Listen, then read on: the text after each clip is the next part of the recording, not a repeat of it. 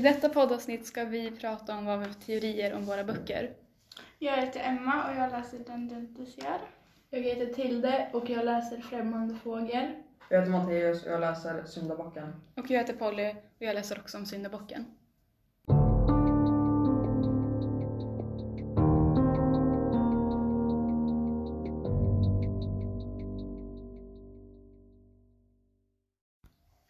Jag läser Syndabocken av Sofie Sörenbrant.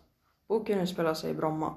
Eh, I Bromma har det nu skett tre mord och, och en massa inbrott där kriminalinspektören Emma Sköld utreder brotten.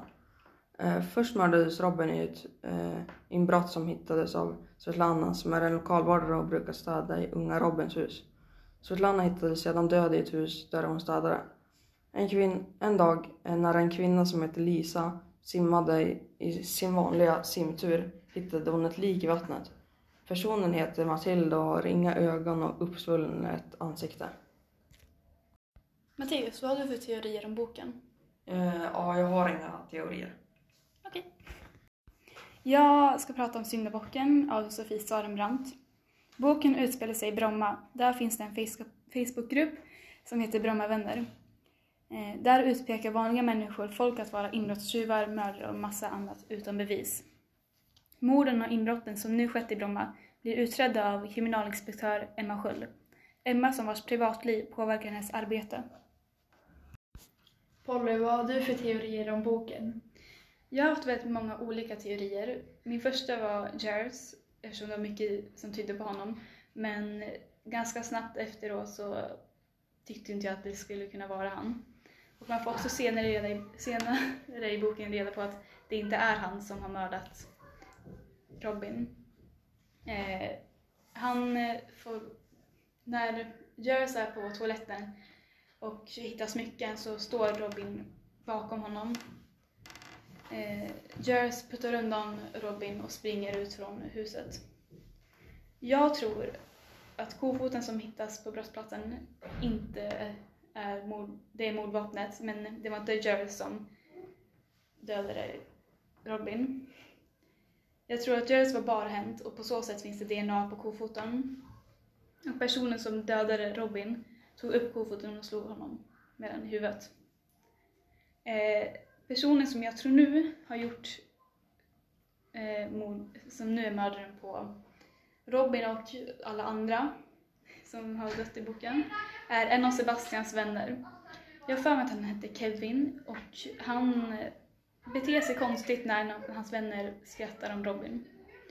Eh, Sebastian blir även inlåst av någon han känner och det tror jag är en av hans vänner. Som sagt. Ehm, men det är mina teorier. Jag läser Den du inte ser av Marie Ljungstedt. Boken utspelar sig på Gotland. Eh, tre personer har blivit mördade. Först Helena Hillerström som hittades död i ett dike med sin hund som hade blivit halshuggen. Helena blev ihjälhuggen med en yxa. Eh, Helenas man har blivit anhållen men han har släppts. Eh, den andra som blev mördad hette Frida. Hon hade varit ute med sina vänner och när hon skulle hem så blev hon mördad. Eh, Och hon blev mördad med en kniv. Eh, Sen Gunilla som blev ihjälhuggen med en yxa. Hon hittades mördad hem, hemma på sin gård och det var hennes kompis som hittade henne.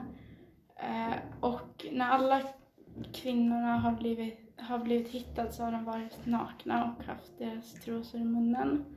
Eh, Och polisen tror att det är en seriemördare. Jag läser boken Främmande fågel av Anna Jansson. Boken utspelar sig på Gotland. Ett brott handlar om en man som blir mördad. Mannen tältade ute i en park och han låg bara och sov på en tunn luftmadrass med varken filt eller kudde när polisen hittade hans döda kropp. Mannen var knivskuren på halsen och hade blivit kvävd till döds av allt blod. Utredaren av det brottet heter Maria Wern. Senare i boken får man höra om ett utbrott av fågelinfluensan som har kommit till en skola. Alla barnen på skolan hålls kvar och får sitta själva i separata rum för att inte smitta eller bli smittade. Barnen får träffa deras föräldrar via datorn eller ibland på riktigt men då har föräldrarna en dräkt på sig så att de inte blir smittade. Emma, vad har du för teorier om boken? Ja, för först trodde jag ju att det var Helenas man som var mördaren, men nu vet jag inte. Vad tror du till det? Ja, de har inte pratat om det så mycket så jag vet inte heller. Jag har inga teorier.